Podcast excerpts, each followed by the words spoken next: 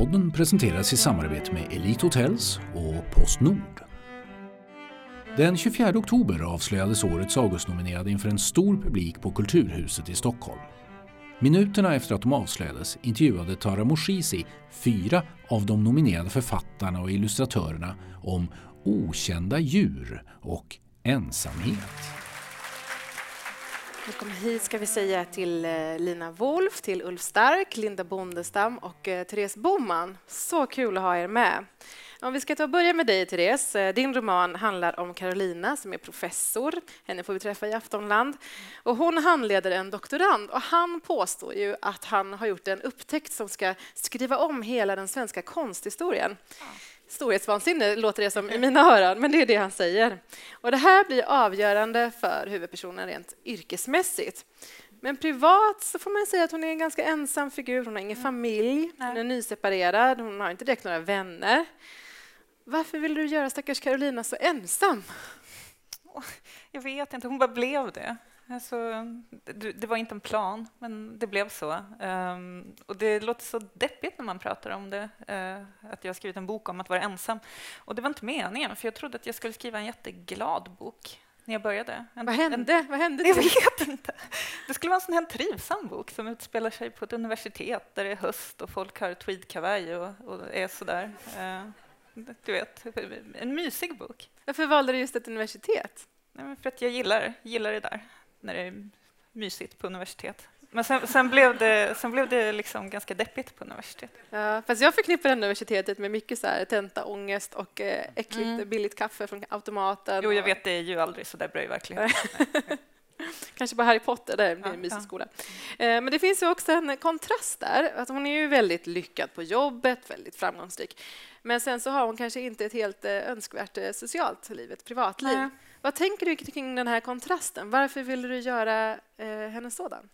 Ehm, um, ja, jag vet inte, hon har ju liksom... Eh, hon är ju eh, liksom utåt sett framgångsrik. Hon har gjort supersnabb karriär, akademisk karriär. Hon är professor, hon är bara strax över 40. Det är liksom snabbt jobbat. Uh, och liksom allt Uh, så utåt ser ju allting bra ut. Uh, och så, jag vet inte, hon har levt i en jättelång relation som hon har kommit på att hon... Liksom, med en man som hon aldrig var riktigt kär i. Det är eh, typiskt en dålig idé. Ja, det, hon inser det. Och, går omkring och ältar att hon inte insåg det tidigare. Det är ju liksom någon slags eh, drivkraft i boken att hon tycker att hon har kastat bort en stor del av sitt liv. Mm. Och just ensamhet är ett tema som återkommer i alla era böcker. Eh, Lina, du har skrivit om Polygotta älskarna, som också, förlåt, där är du, som också berör ämnet. Och Ulf och Linda, ni har eh, skrivit och illustrerat boken Djur som ingen sett utom vi, som handlar just om djur som ingen har sett utom just ni. Um, vad är det med temat som känns spännande att utforska?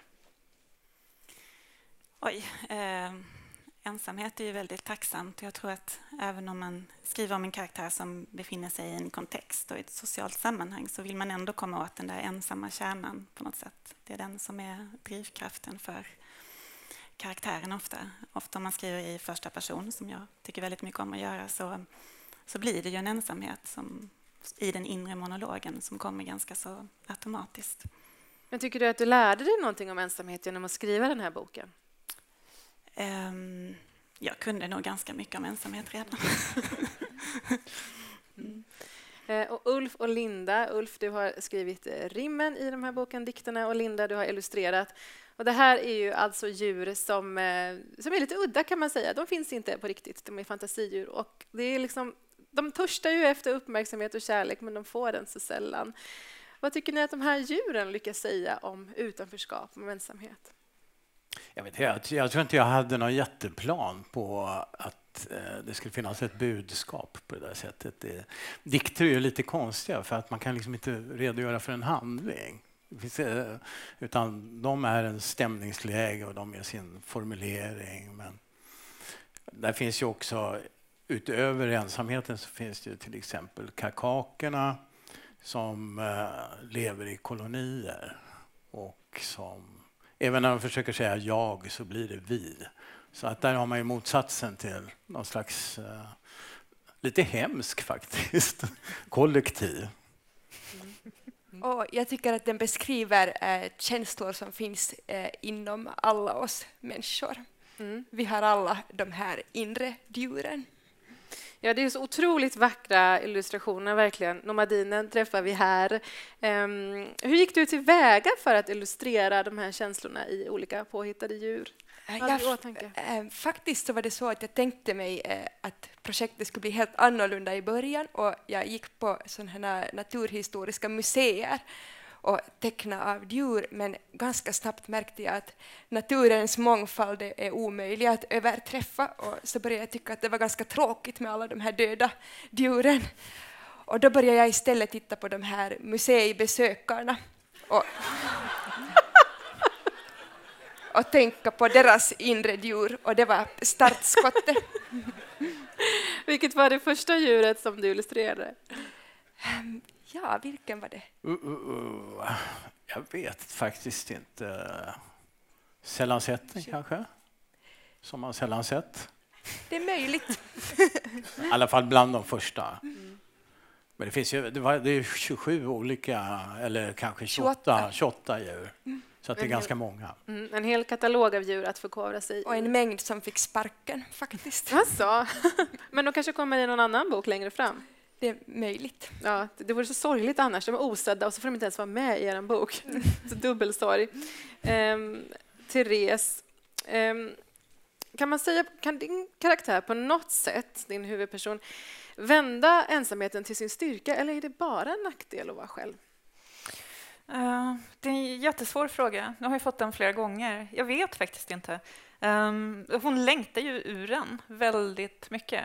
Helst av allt till en relation med någon med, som hon liksom eh, känner för på riktigt.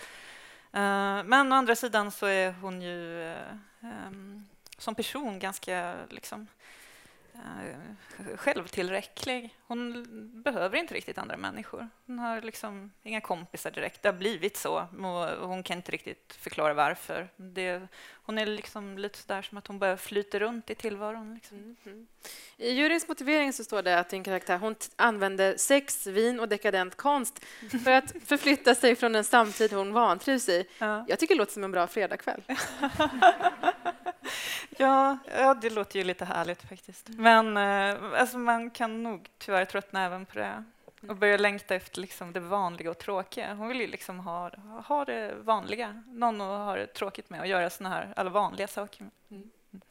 Eh, Lina, i din bok så kan man följa flera karaktärer och parallella historier.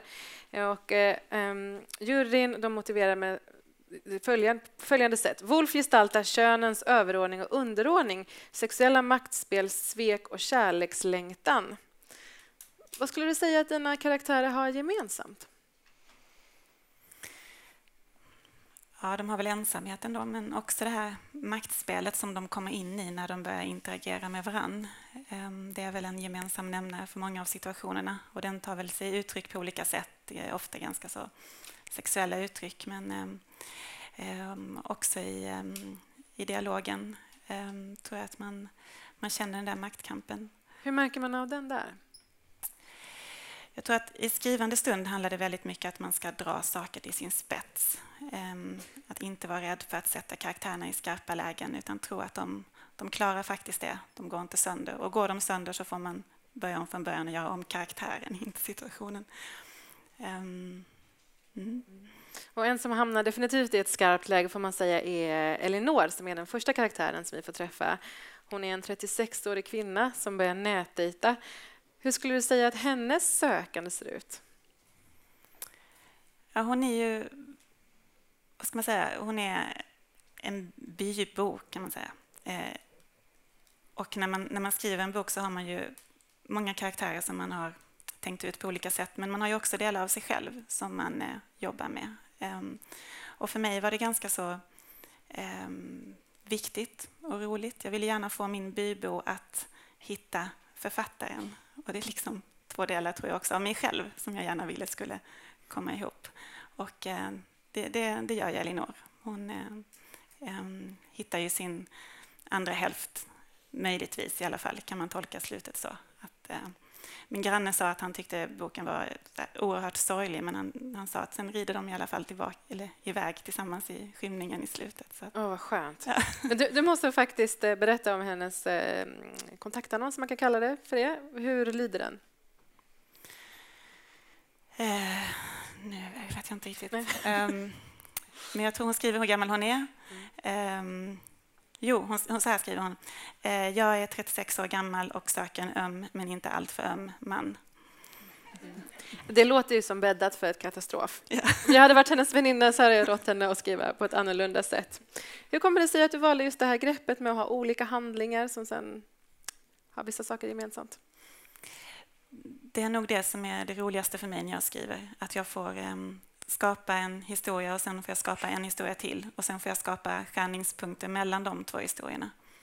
Eh, och då blir det en del karaktärer och en del olika situationer som de här karaktärerna ska försättas i när de möts. Mm. Den här boken har också kallats för delikat. Det är många detaljer i den. I er bok, eh, Ulf och Linda, är det också otroligt mycket detaljer. Hur mycket har ni så här, mycket vikt har ni lagt för de här enskilda små detaljerna? Hur djuren ska se ut, hur de ska prata, vad de ska heta?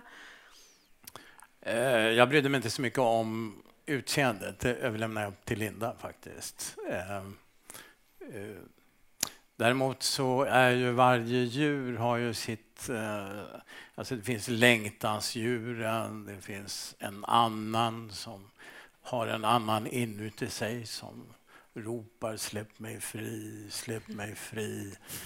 Jag, jag tror inte ens att vi är släkt. Liksom slutsatsen av den här som bor inuti. Så det är många olika eh, tillstånd mera. Och sen har du gjort otroligt fina bilder till det. Jag tänkte så här, att hitta sin make och maka. Det är ju som att göra en bilderbok, liksom med en som gör bilderna och en som skriver. Men är ni alltid överens då? Ja, tror det. Nej, inte alltid väl? Linda, du ser inte lika övertygad ut. Faktiskt, ja, alltså Ulfe. Vi, vi, brukar säga att vi är de trevliga genierna. Alltså, snygga. snygga att, att liksom uppmuntra varandra istället för att hålla på och kritisera. Jag tycker det är mycket mer effektivt. Mm, det låter härligt. Eh, men Linda, hur är detaljerna för din del? Jag menar, tänk, hur kommer du på till exempel att den här otroligt vackra doranen ska vara prickig? Ja, alltså tja, det där kan jag inte svara på, men, men jag kan säga att det är lite som ett drömprojekt för mig som illustratör det här för att jag tycker det är jätte, jätte roligt att hitta på olika karaktärer, men jag tycker inte alltid att det är så kreativt att rita samma karaktär flera gånger. Mm. Och det var helt underbart att få skapa nya eh, landskap och nya karaktärer på varje uppslag. Och sen ibland så dyker det upp någon mm på någon annan, eh, något annat djurs uppslag som en liten överraskning. Vilket djur är mest du? Eh, det är den här, det här gnejse, åtminstone när jag lider av skaparångest. är det en ångestfylld, ett ångestfyllt djur? Eh, den ligger i, i öknen på en sten och, och ser lite trött ut. men, men den har ett motell i närheten? Det har den. Gud vad skönt, så vi slipper oroa oss för den. Ulf, vilket djur är mest du då? Ja, en annan kanske. Det är liksom förutsättningen när man, när man är författare, tycker jag, att vara en annan. Jag förstår inte riktigt. Vadå en annan? Ja, det är ett av djuren där. Det är en bok? Eller det är ett djur i boken? så förvirrande att den heter en annan. Okej, jag måste ställa den här frågan. Lina, du heter ju ändå Wolf i efternamn och eftersom jag är från Göteborg tycker jag att det är lite roligt. Alltså, vilket djur skulle du vara ifall du var ett djur? Vilket som helst nu. Oh, Gud. Jag får väl säga varg, jag har väl inget annat val. Therese, du slipper inte den frågan. Vilket djur skulle du vara? En katt, tror jag. Tråkigt svar. Men Varför det? Katt. Nej, men jag tror att alla säger katt. Alla som gillar katter vill ju vara katter. Tror jag. Mm. jag skulle också vilja ha katt. Vi skulle ja. kunna bli kompisar. Ja. Mm. Tack så hemskt mycket. Tack så hemskt mycket Tack. för att ni kom hit. Tack.